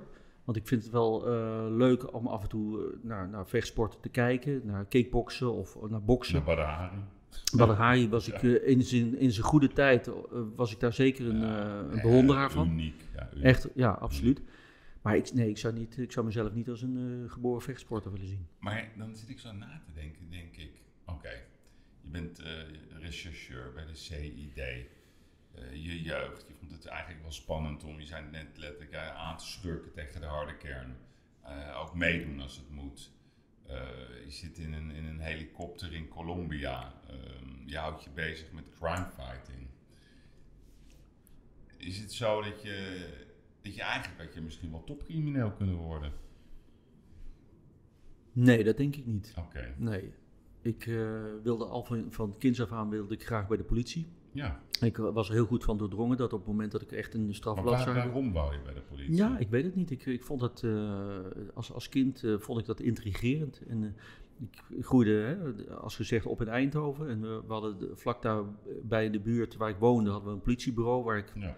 ja, eigenlijk al, al heel vroeg ging kijken. En ik, als er incidenten waren in Eindhoven, dan, dan stond ik altijd met mijn neus vooraan. En dan was ik eh, echt wel gebiologeerd door hoe de politie optrad. En ik wilde dat ook. ja. Dus ik, en veel jongetjes wilden dat, maar bij mij is dat altijd Maar wel wilde je handhaven of wilde je meedoen? Ik, ik eh, sta graag met mijn neus vooraan. Ik ga ook mo- moeilijke situaties niet uit de weg. Ik ben nieuwsgierig. Ja. En ik vind eh, een vond afwisseling in mijn werk heel erg belangrijk. En ik vond het ook wel mooi en ik vind het ook wel mooi om, om op het moment dat mensen in nood zijn of iets dergelijks, om dan niet, niet weg te lopen, maar om daadwerkelijk ook de handen uit de mouwen te steken en, en te helpen. Ja. En, en dat, die aspecten komen wel heel erg samen in het eh, politievak. En eh, ik heb dat bijna tien jaar gedaan. En uiteindelijk eh, ben ik iets nog leukers gaan doen, in de journalistiek terechtgekomen. Ja. Maar ik heb altijd wel veel bewondering, nog steeds, voor, voor de mensen die eh, letterlijk met een poot in het bluswater staan. Nee, zeker. Maar de vraag is meer, ja, is het ook... Soms doe je ook iets ook omdat je de kick zo lekker vindt. Ja, ik kan me dat ook wel voorstellen. Ik zou ook wel een keertje meedoen met een undercover actie hoor. Dat lijkt me heel Kan ik je zeer aanraden. Ja, nou ja, jij Ja. hebt de ingangen. Dus eh, ik kom daar straks nog wel op terug. Oké. Hey John, wie, is trouwens jouw favoriete PSV-speler? Alle tijden bedoel je? Eh, Romario. Ja, Ja, dat hoef ik niet. eh, Romario ja. da Sousa Faria. ja, had ook bij Ajax gepast. Ja, Maar gelukkig koos hij voor PSV. Ja, Ajax heeft het geprobeerd. En ook eh, Ronaldo heeft Ajax geprobeerd. Ging Ja. naar PSV. Ja. Nu, nu schijnt het zo te zijn dat Ajax eh, af en toe wat sneller is dan PSV. Ze hebben wat meer geld eh, nu natuurlijk. Dat scheelt weer ook een hoop. verdiend met, Ja, met eigen spelers. terecht. Ja, Ik ging vorig jaar mee, of vorig seizoen mee naar de voorronde Champions League, naar Minsk. Naar, moest PSV tegen die lokale club, ik ben nu even de naam kwijt, Bate Uli. Bate eh, Borisov. Bo- ja, S- Bate Borisov, Ja. zoiets. Nee. En toen sprak, oké, en toen sprak ik met de, met de penningmeester van PSV. En eh, die zegt ook, ja, we gaan eh, als we dit, eh, want het zag er hartstikke gunstig uit, als we dit gaan halen en we stel dat we de, de groepsfase van de Champions League doorkomen, dan krijgen we zoveel geld en dan dit en dan. Die zag, rekende zich eigenlijk al een beetje rijk. Ja. Nou, daar is uiteindelijk, hoewel PSV een goede Champions League serie echt- heeft gespeeld. Dat vond ik echt. Ja, Ik vond echt dat ze geen... Je moet ook een beetje mazzel hebben. Ze hadden echt geen geluk. nee, nee. En een hele zware pool, hè? Tegen, ja, echt. Ik vond tegen Inter goed. Tegen Barcelona thuis. Ja, Ook pech. ja. Nee, het moet ook een beetje meezitten. Ik bedoel, eh, het zat niet mee met PSV dit jaar. Daar moet je ook eerlijk over zijn. En in de competitie weer wel, in het begin. Ja, toen eh, is vaak in die laatste minuten, maar goed, is ook een kwaliteit. We hebben trouwens een, ik heb bonbonnetjes hier. Oh, lekker. Heerlijk. Want ik, ja, hoe, wat doe jij nu met, met, met snoepjes en zo? Nou, ik ben een beetje suikerverslaafd, heb ik gemerkt. Ik was Ja. laatst, voordat ik naar eh, Colombia ging, eh, was ik aan het sporten. Ik ben best wel ve- veel aan het sporten weer. Ja. En, en, maar ook tegelijkertijd probeer ik een beetje op mijn eten te letten, om Ja. een beetje af te vallen. Maar toen, ik was met gewichten bezig en eh, ik train dan met, een- met een coach. En ik moest op een gegeven moment echt aan hem vasthouden. Ik werd zo duizelig. En dat was Maar Nee, dat was op de dag dat ik naar Colombia zou gaan. Dus ik denk, ja, maar ik ga niet. Ik, ik ben een beetje een hypochonder, moet ik zeggen. Oh, Dus ik ben meteen, ik heb mijn vrouw gebeld. Zei, we moeten naar de, we moeten naar de huisarts, want ik ben draaierig en straks krijg ik een hersenbloeding of weet ik veel wat. ja. Dus ik, eh, ik daar naar, naar die dokter, meteen mijn reis eh, afgezegd. Maar ja, een hele ploeg gaat daar naartoe eh, natuurlijk. Dus ik, ja, dat was ook niet, daar maakte ik ook niet veel mensen blij mee. Nou, die dokter die test het bloed en hart en, en bloeddruk was allemaal goed. ja. Ze zegt nou een beetje eh, misschien eh, oververmoeid, wat ook klopte. Dus ik ben toch de volgende dag in het vliegtuig gestapt. Maar toen dacht ik wel, van, ja, ik moet ook niet, ik moet ook niet gaan doorslaan. Laat ik af en toe maar gewoon eh, ook een lekker bonbonnetje nemen. En niet alleen maar proberen af te er vallen. niks van. Je moet ook lekker snoepen. Ja. Maar je moet er wel op letten. Dus eh, een beetje vaderlijke opmerking van mij, maar het is wel zo. John, jij, jij, jij hebt een. Ik weet niet of veel mensen dat weten, maar jouw echte vader, ehm, die jij niet kent, eh, die is van Marokkaanse afkomst. ehm, je hebt hem nog nooit ontmoet. Nee, Dat klopt, hè? ja. Ehm, je hebt ook een keer gezegd, ja, dat hoeft voor mij ook niet. Hoe meen je dat nou? Ja, Zou je dat nou in de zin, in de zin van dat ik niet actief, zien? ja, dat ik niet actief op zoek eh, ga. Nee, dat bedoel jij- ik. ik bedoel, jij, Kijk, als die man hier- als- in, in, in, eh, Colombia mensen op te sporen, de hele wereld. Maar zou je hem niet even willen zien? Nee, kijk, als die man hier eh, plotseling voor de deur zou staan, dan eh, wijs ik hem niet de deur natuurlijk. Dan, dan, eh, dan zou ik dat prima vinden. Maar ik ga niet actief naar, naar hem op zoek. Ik heb er geen behoefte aan. Ik heb nu een, eh, redelijk, eh, een redelijk leuk leven, een prima familie. En ehm, ja, misschien dat dat moment ooit nog komt, maar ik, ik zie dat eigenlijk op korte termijn niet gebeuren. En ik realiseer me daarbij wel natuurlijk dat hij op een gegeven moment ook eh, ja, oud ouder ben wordt. jij nu? Ik ben nu 56. Ja, misschien leeft hij niet eens. Nee, dat kan. Maar je weet het Dat kan. niet. Nee, maar goed, het is, af en toe ben je... Nee, dat, ja, in Marokko, eh, maar, en, en ik denk wel een beetje de omgeving. Maar goed, Eigenlijk weet je het niet, dus misschien is hij dood. dat kan, ja. ja maar goed, eh, de kans is natuurlijk ook wel best wel reëel dat ik dan eh halfbroers of halfzussen zou hebben. En dat, ja, dat, Vind je dat te heftig ja ik, ik, het is misschien, ja, misschien wel een beetje... Zelfbescherming? Ja, ik denk het wel, ja. Ik heb daar niet, eh, niet erg de behoefte aan. En ik praat er wel eens over met mensen die, die dus ook in zo'n situatie eh, zitten. Ja, dat klinkt ook zo zwaar, maar die, die hetzelfde hebben, die hun vader of moeder niet kennen. Ja. Die wel heel erg die drang hebben. Mm. Ik heb het niet. Nou ja, eh, misschien komt het ooit nog. Dus je weet ook helemaal niet of je nog, nog, nog meer broertjes of zussen hebt. Nee. Nee. En je weet ook niet of hij een, nieuwe vrouw eh, Nee. heeft, of wat hij doet. Nee. Je hebt ook nooit een briefje van hem gehad? Nee. Hij moet wel weten dat ik er ben. Wat zei je? Hij, hij moet wel weten dat je er bent. Ja, want eh, mijn moeder heeft eh, verteld dat ze in verwachting was en dat er een kind Ja, ja, ja. kwam. Dus Ja. ja. Maar goed. Ik heb, het is, moet ik ook eerlijk zeggen, lange tijd geweest uit een soort van boosheid. Wat die mijn moeder heeft aangedaan. En een soort van loyaliteitsgevoel wat ik heb naar de man die mij als zijn kind heeft opgevoed. Want wat heeft hij je moeder aangedaan dan? Nou ja, eh, ik vind nou niet de hoofdprijs verdienen als je, als je een vrouw zwanger maakt en vervolgens eh, je verantwoording niet neemt en, en het, het land eh, uitvlucht. Ja, ja, dat bedoel je. Dat, maar goed, je wordt ouder en dan Ja. realiseer je ook van ja, het is hem waarschijnlijk ook overkomen. Hij is erdoor overvallen en heeft misschien is bang geweest voor de gevolgen. Ja. Dus dat nuanceert dat, en ook die, die, dat beeld wat ik van hem had wel een, weer, weer een beetje. Ja, ja. Maar ik, En wat met je moeder, heb je daar ooit een goed gesprek met je moeder over gehad? eh, ja, en zij heeft, zij heeft het opgeschreven eh, uiteindelijk omdat ik ze merkte dat ik er moeilijk over kon praten. Ja. En dat heb ik allemaal gelezen toen eh, ze was overleden. ja. Dus dat was, ja, dat was ook wel heftig om dat allemaal terug te lezen. Hoe zij dat, hoe zij dat eigenlijk vanaf het begin dat ze eh, hoorde dat ze in verwachting raakte, hoe ze in de steek werd gelaten en hoe ze dat, eh, zeg maar, de eerste jaren van, van mijn leven voor mij heeft gezorgd. En hoe ze de, ja, echt letterlijk alleen voor stond. Eh, zij is uh, oorlogswees eigenlijk. Mijn opa is op de Waalsdorper vlakte gefusilleerd en mijn oma overleed vroeg in de oorlog. Dus zij is alleen opgegroeid. En in, in allerlei pleeggezinnen echt een ellendige jeugd gehad. En toen was ze eindelijk was ze vrij en kon ze in Amsterdam kon ze haar droom eigenlijk uh, najagen. En toen raakte ze zwanger. Ja. Nou, er moest geld op de, op de plank komen natuurlijk. Dus zij, ik werd bij een, uh, een soort opvang van nonnen op de plantage Middelaan werd ik ondergebracht overdag. En mijn moeder ging werken onder andere bij Van der Linden, een bakketbakker op de Nieuwe Dijk. En na, het, na het werk uh, haalden ze mij op en uh, ja, verzorgden ze mij. En, en wanneer realiseerde jij, uh, ik heb geen vader, of die is weggelopen? Of die, dat heb ik me nooit, nooit gerealiseerd, want, want dat werd niet verteld. op mijn tweede... niet toen je acht was of zo? Nee, op mijn tweede leerde mijn moeder dus mijn, mijn, zeg maar mijn stiefvader kennen. Ja, op zo'n manier. Dus dat was en, voor jou ja, goede vader. Ja, en pas op mijn vijftiende jaar kreeg ik te horen dat, dat hij dus niet mijn biologische vader was. Zou ik dat zeggen? Ik heb het idee, hè gaat het ook weer niet. Maar ik denk wel dat ik heb het gevoel dat het je heel erg emotioneert. Als we hierover praten, en dat je een soort, soort schild uh, denkt van nou, ik laat het niet binnenkomen, want dan uh, weet ik even niet wat er gaat gebeuren. Nou, het is niet zo dat ik het gevoel heb dat ik uh, hierover in huilen zou kunnen uitbarsten. Maar ik, ja, als, als, ik daarover praat, vind ik, dat, ja, vind ik dat af en toe wel moeilijk. Ja, ja dat kan ik ook ja. begrijpen.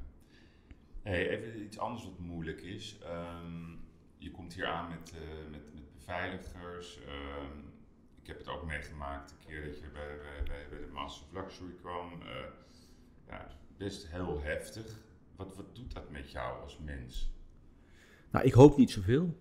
Dat vind ik voor mezelf niet. Het uh, uit alsof er niks aan de hand is. Uh, zo kom je in ieder geval op mij over. Hè, dat je nou, dat is het natuurlijk niet. Maar je kan niet lekker even over de Albert Kuip gaan lopen. Jawel, dat kan. Maar, maar dan, uh, zeker als het gewoon op onverwachte momenten is, dan ja, kan dat prima. Maar, ja. maar je, ja, je bent nooit echt alleen. Nee.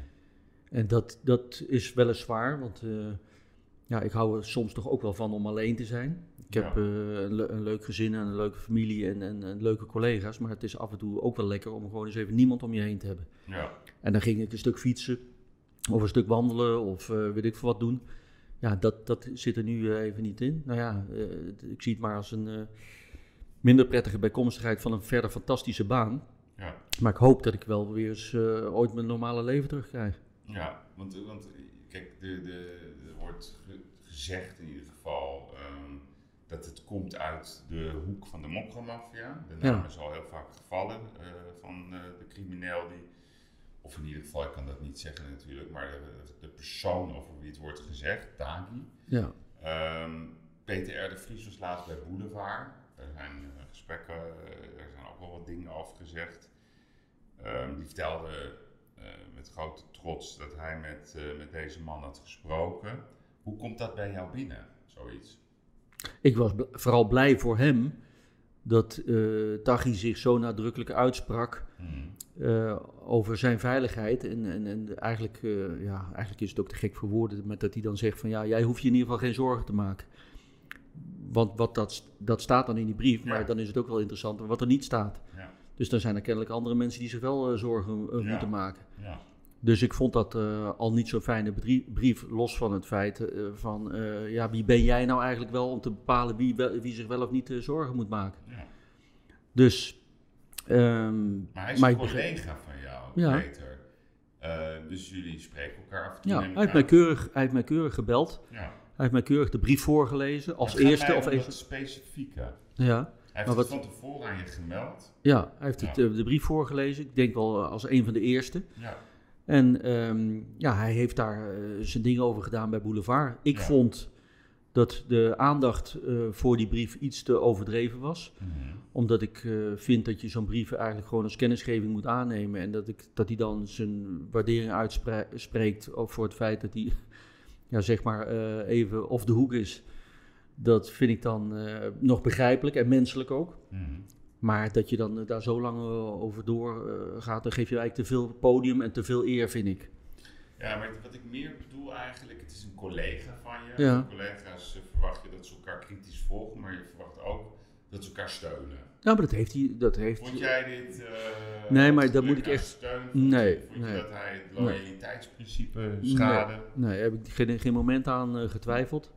En ik moet ook zeggen dat eh, Peter zich zeer hard heeft gemaakt in de periode. En dat is echt voor mij een steun geweest in de periode dat ik niet bij Bo- Boulevard mocht komen van het gemeentebestuur. Heeft hij bijna in iedere uitzending heeft hij wel eens een keer gez- gezegd of geroepen van jongens, we moeten dit op de agenda houden.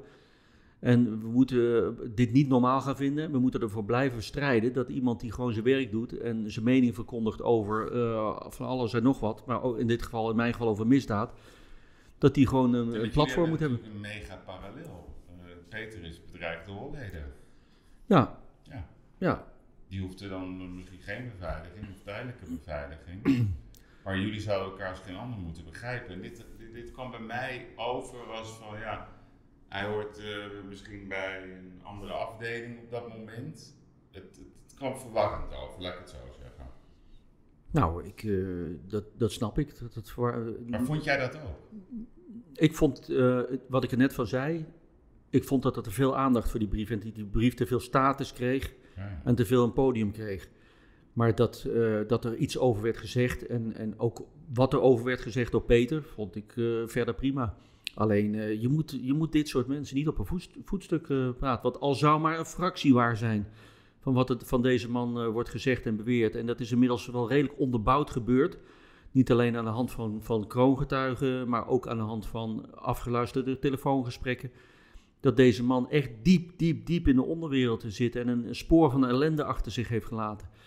En dan weet ik ook echt nog wel dat hij nog eh, voor de rechter moet komen en dat hij nog verdachte is. Maar de, de, de verdenkingen zijn wel dusdanig ernstig dat je wel meer dan kritisch mag kijken naar wat hij zich dan eh, laat ontvallen. Of welke brieven hij stuurt, of wat hij daarover zegt. Ja, want als je dan bijvoorbeeld kijkt naar Peter was eh, vroeger heel erg bevriend eh, met Cor van Hout, is open over geweest. Ik weet nog wel eens een keer dat hij zelfs ergens college of een lezing gaf, zelfs emotioneel ervan werd. Ja, Hoe, hoe, wat vind je daarvan dat een, een, een, een misdaadjournalist zo bevriend is eh, ja, met een crimineel? ja nou goed. Ik, ik heb altijd gezegd, en ik geef ook lezingen en presentaties, dat dat eigenlijk niet met elkaar samengaat. Nee. Misdaadjournalist en misdadiger, die kunnen niet bevriend zijn. Die kunnen niet met elkaar op vakantie of die kunnen niet bij elkaar op feestjes en partijen komen. Dat, dat, dan roep je de ellende over jezelf af. Mhm. om meerdere redenen.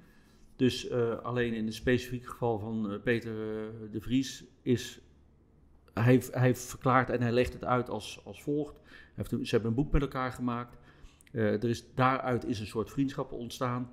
En hij vindt dat, hij, eh, ja, dat, hij, eh, dat dat niet in de weg hoeft te staan. eh, dat dat hij een bepaalde lo- loyaliteit voelde voor Cor van Hout, voor die vriendschap. En Heb jij dat ook wel eens gehad bij, bij, bij een crimineel of iemand die heftig bestaat, dat je daar een soort sympathie voor kreeg? Ja, Vriends, Bij wie? sympathie, sympathie wel, vriendschap niet. Maar de ene vind ik wel aardiger dan de ander, ja. Nou ja, eh, eigenlijk kun je wel zeggen dat eh, een, een aantal van die, eh, van die jongens die dan tot de top wordt gerekend, dat die innemend zijn, gastvrij zijn, humor hebben, intelligent zijn. dan? Nou ja, als ik, als ik iemand zou moeten noemen die, met wie ik wel re- redelijk contact had, is, is Danny K. Danny, ja, oh, ja, maar je, ik mag zijn achternaam niet zeggen. Ik weet niet hoe dat. Ik, we- ja, dat we- is in ieder geval de man van Angela. eh, toenmalige vriend, man, ik weet niet hoe, hoe het Nee, nu ik is. weet ook niet. Nee. Van, eh, die, die vroeger met Peter Kluip Ja.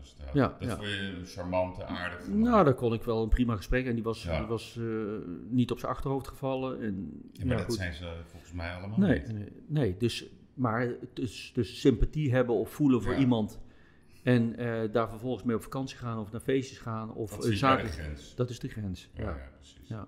Ja, En ik ben, regelmatig, uit- ik, ben, er- ik ben regelmatig uitgenodigd voor feestjes als mensen te- 15 jaar vast hadden gezeten. En dat, dat zijn hele gezellige feestjes. En dan denk je, oh, nou ja, zou ik dat dan toch eventjes... grens. Ja, nee, Misschien ja, levert het nog wat nieuws op.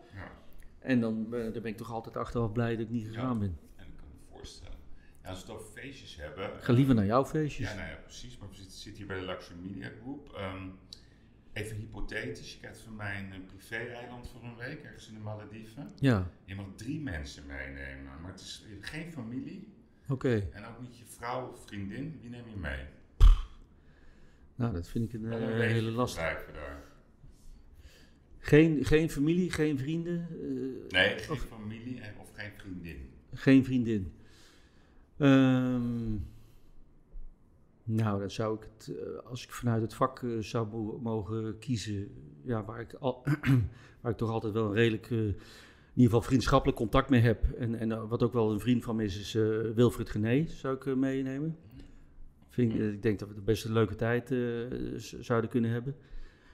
Ehm, waar ik altijd ook een leuk contact mee had, eh, wat een beetje gebrouilleerd raakte, eh, of, of verstoord raakte na de zaak Badr Hari, is eh, Estelle. Ja, Zou ik leuk eh, vinden. Eh, gelukkig zijn we weer on speaking terms. Ik weet niet of ze met mij mee zou willen, maar dat, eh, die zou ik zeker uitnodigen. En eh, ja, echt om dan ook nog een beetje te lachen, is eh, Gordon zou ik meenemen. Nou, dat wordt wel een gezellige Ja. boel daar. Ja, toch? Ja. Ik denk dat zij het ook allemaal wel leuk vinden. Ja, Ik denk dat ik ook maar nou kom maar op met het eiland. Nou, het, is, het, het klinkt bijna als een, als een uitdaging. Maar ik ben toch niet zo tevreden over jou, dus ik ontsla je nu als hoofdredacteur van de Telegraaf. Oké. Welke baan zou je dan willen dat ik voor je regel? Nou, ik heb het ook nog prima naar, naar mijn zin bij RTL. Ja, dat word je daar word ik ook ontslagen. Ik heb nog mijn eigen productiemaatschappij, dus daar zou ik nog wel kunnen rommelen. Daar kan je weinig in betekenen. Dus zou je kunnen opkopen en me dan Ja. ontslaan. Ehm, nee, ik denk dat ik. Als ik je dan toch een baan voor je moet gaan regelen. Dan, dan eh, zou ik eh, denk ik het wel leuk vinden om nog een paar jaar bij de politie te werken. Ja, dat had ik altijd Ja. vermoeden. En in welke rol dan? Eh, wat ik heel leuk zou vinden is bij eh, een team dat wat ik heb gedaan, zeg maar, het infiltreren in de onderwereld. Ja, ja. Eh, om, om, dat, om dat te begeleiden. Ik zal het niet zelf meer kunnen optreden als undercover agent, maar ik zou het wel heel leuk vinden om op basis van de kennis en ervaring die ik heb, om, om, om eh, zeg maar, eh, Spannend jonge mensen dat, weer. dat ja, ja. Dat heb jij ook gedaan, hè? Ja, twee jaar. Dus dat zou ik leuk vinden. Wat ik heel leuk zou vinden is, eh, je hebt een, of je had moet ik zeggen, op eh Curaçao het recherche samenwerkingsteam. Dus een mix van Curaçaose en, of, of Antilliaanse politiemensen Mhm. en Nederlandse politiemensen. Dat zou ik leuk vinden. En ja, dus, dus eh, ja, ach, ik, zou, eh, ik zou wel weer eh, mijn draai vinden, denk ik. Desnoods ga ik boeken schrijven, vind ik ook leuk. Ja? Ja. Je kan goed schrijven, dus ja. Nou ja, ik, er zijn vele mensen die, die 80 keer mooier kunnen schrijven dan ik, maar ik, ik heb wel genoeg verhalen te vertellen, laat ik het zo zeggen.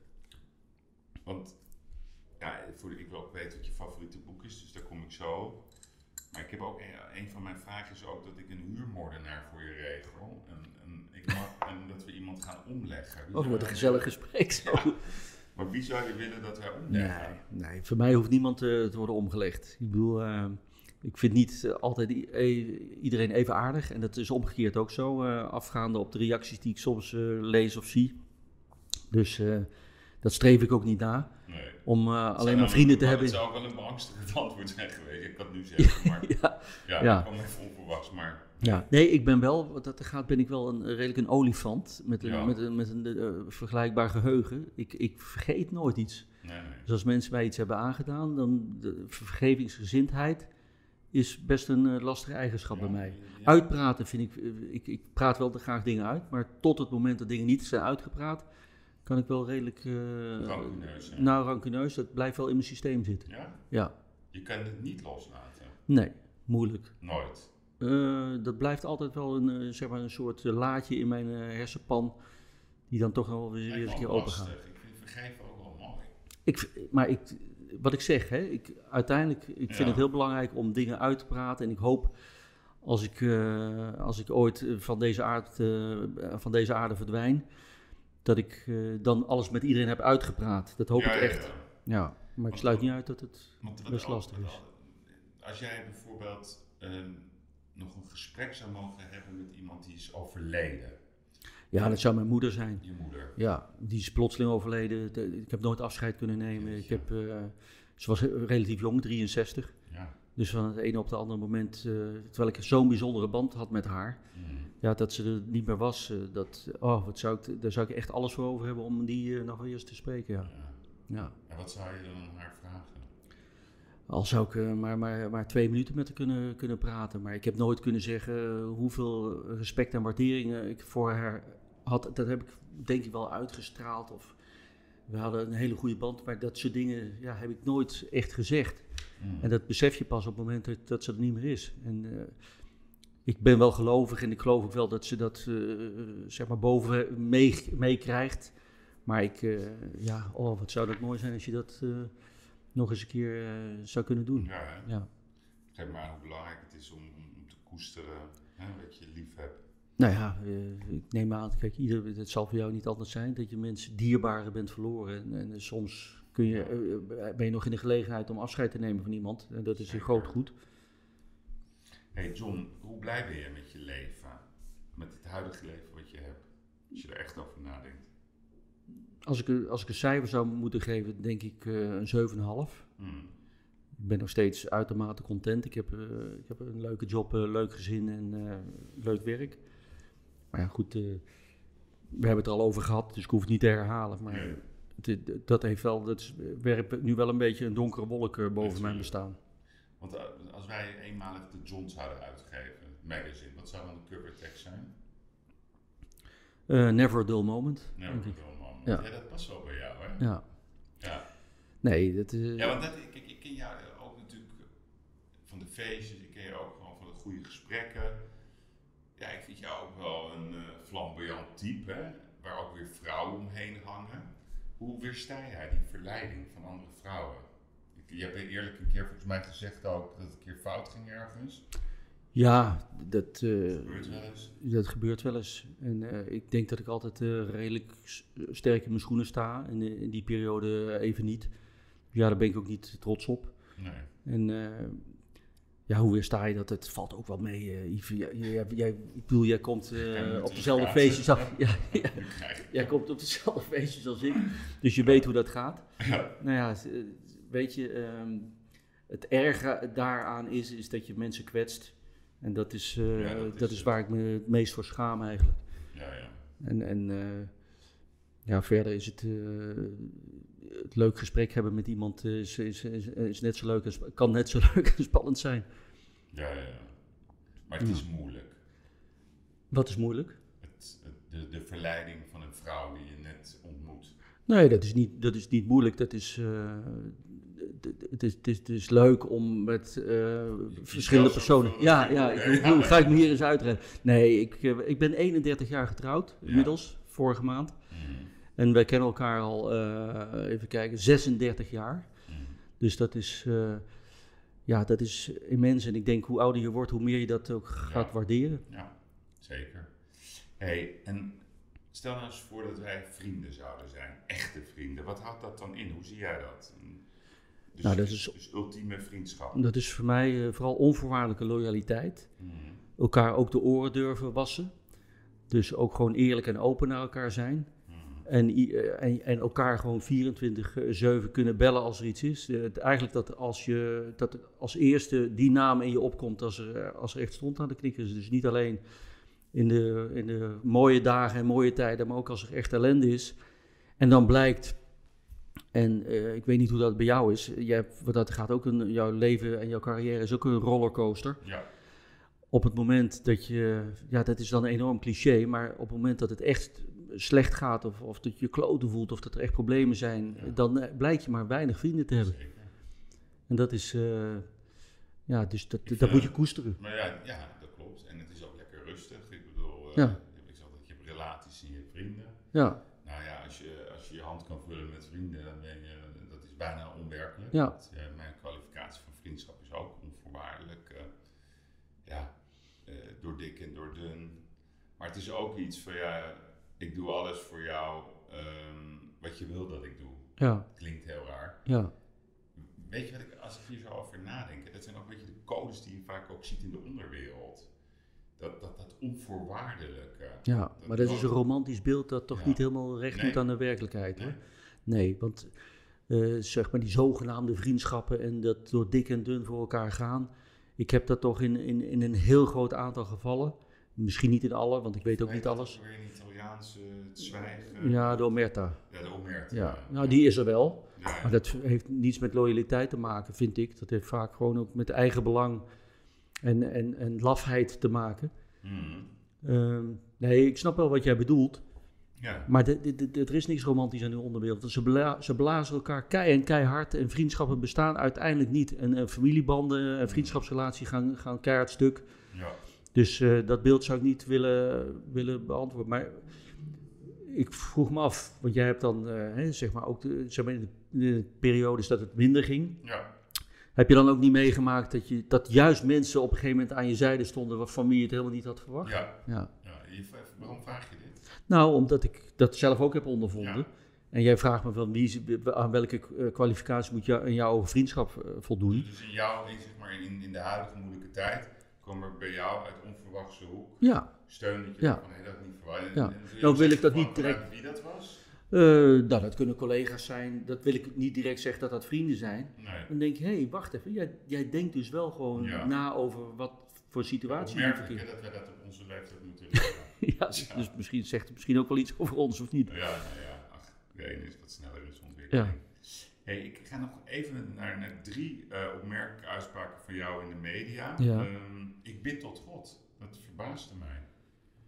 Nou ja, ik ben eh, katholiek opgevoed in Ja. Eindhoven. Ik ben eh, jarenlang, dat was een eer op de basisschool waar ik, waar ik zat om, om misdienaar te worden. Dus ik ben eh, tot mijn tiende of elfde ben ik misdienaar geweest in Eindhoven, in, in die parochie waar we woonden. En toen ben ik eigenlijk ja, naar Amsterdam verhuisd, naar de middelbare school. Ik ben, jarenlang ben ik dat eigenlijk een beetje kwijtgeraakt. Ik heb wel mijn kinderen gedoopt, ook vanuit een meer een soort van traditie. Ja. Maar ja, dat is ook wel weer een cliché. Maar op een gegeven moment krijg je eh, tegenslagen, krijg je met dingen te overlijdens te maken. en Zo. Dan ga je toch meer nadenken weer. En toen ben ik toch wel weer meer richting geloof teruggekomen. En En wanneer doe moet je dat? Nou, ik heb me proberen eh, af te leren om alleen eh, te bidden tot God als je in de penarie zit. Want die Oké. verleiding is dan natuurlijk heel erg groot. Dus ik vind dat je af en toe ook wel eens gewoon dankbaar mag zijn voor wat je... Dus het is een hulplijn. Ja, eigenlijk wel, ja, dat druk je goed uit. Ja. En ik, eh, ik heb daar steun aan en ik merk heel veel mensen uit mijn omgeving ook. Dus en het is niet, nou niet zo dat ik eh, ja, eh, z- plotseling zwaar gelovig ben of, of, of eh, ja, helemaal in de kerk ben of eh in tegendeel. Maar ik, ja, het het is wel iets wat, ja, wat, wat ik zeg, of wat jij, zoals jij het noemt, eh, voor mij een hulplijn. Ja. Ja. Een andere eh, uitspraak voor jou is: Mijn enige moment van privacy is als ik seks heb. dat zei de FIFA. Een volmengenswinst. Ja. Ja. Nou ja, dat was, ik, ik- dat was een rubriek eh, in bed met Tatum. Oh. En dat was een heel leuk interview. In bed, ja, Oh. ja. Dus we hebben in bed eh, anderhalf uur gelegen. Oh. Maar er is weinig sp- spannends gebeurd, eh, behalve dan dat gesprek. wij dan maar aannemen. Ja, nee, want er waren zes beveiligers omheen. Dus Oh. dan, Ja, maar die hebben nog Merta, toch? nee, dat klopt. Ja. Dus, nee, dat was, weet je, zij vroeg van, dus eh, heb je nog wel privacy? Eh, als je dan seks hebt, heb je dan wel privacy? Ik zei, ja, dan heb ik privacy. En dat wordt dan meteen de kop, eh, of, Nee, of ja. En jij hebt ooit een van je grootste prestaties genoemd, de ontmaskering van Boutersen. Dat heb ik zelf niet genoemd, maar dat, dat is wel in ieder even... geval ja. wel sensationeel. Nou, ik ben samen toen met Marcel Hanen van NRC Handelsblad... eh, hebben we heel veel over die zaak geschreven in de periode dat dat onderzoek heel moeizaam verliep. We hebben zelf eigen bewijzen aangedragen. Eh, ik ben met een eh, man aangekomen, een, lid van het jurykartel... die uiteindelijk getuige tegen Bouters is geworden. Dus eh, de- het grote onderzoek heeft het toenmalige COPA-team van de politie gedaan. En wij hebben daar ook een bijdrage geleverd. En het wel journalistiek op de kaart gehouden. Want dat wordt wel eens vergeten. En daarom is, is denk ik misdaadverslaggeving soms best wel belangrijk. Is dat er achter de schermen van misdaadbestrijding veel gebeurt. Maar dat eh, ja, dat soort onderzoeken wel een impuls kan krijgen. doordat de zaak in de publiciteit komt of blijft. Of dat erover wordt geschreven. Ja. En eh, dat maakt weer extra krachten. eh, Ik kan me voorstellen dat je daar ook een grootst mogelijke bedreigingen van hebt. Uit die hoek. Ja. Ja, ja. ja, dat is een soort tropische malaria in mijn, in mijn leven natuurlijk. Ja. Dat komt er altijd, iedere keer om de zoveel tijd komt het even terug. ja. Nou ja, je bent er wel ontspannen over. Weet je, ik ben... Zo gauw ik, ik vond het een heel leuk gesprek. Ja. Ik vond het verrassend eh, diepgaand eigenlijk. Nou, ja, een ander beeld. Wil je nog ergens Ja. op terugkomen? Ik zit even te denken. Nee, nou, misschien nog even over Fiek. eh, want ik ben best wel hard over haar geweest. En, en dat vind ik ook wel, wel weer jammer. Ja. Ik hoop dat het ooit nog eens weer eens een keer... eh, dat we ooit weer eens een keer op een normale manier met elkaar kunnen omgaan. Oké, dat vind ik mooi. Vind ik moedig ook, sterk, Meestal vraag ik aan mijn gasten ook of ik een keertje iets in zijn vak mag doen. Kan, mag ik een keertje mee op een undercover operatie? Nou, dat is, lijkt me tamelijk lastig, Yves, want jij bent ook wel redelijk bekend. En eh, zo gauw wij met z'n tweeën Dat denk undercover er, gaan. Ja, oké. Ja, maar Ja, laat je vermommen, ja. onzin- dat lijkt mij Ja. namelijk wel spannend een keer. ja. In de auto. Of echt undercover kan ik niet beloven, maar ik ga wel nadenken over iets wat jij misschien toch wel heel leuk vindt en spannend vindt om dat eens Ja. een keer mee te doen. Dat doe ik echt. ja, nou leuk. Ik Zou ik leuk. Dat, eh, mijn podcastgasten worden ook uitgenodigd voor het hoofddiner van de Masterclass. Oké, nou leuk. Nou, leuk. Bedankt. Ik schrijf zeker. Ga, heel graag gedaan, dankjewel. Ja,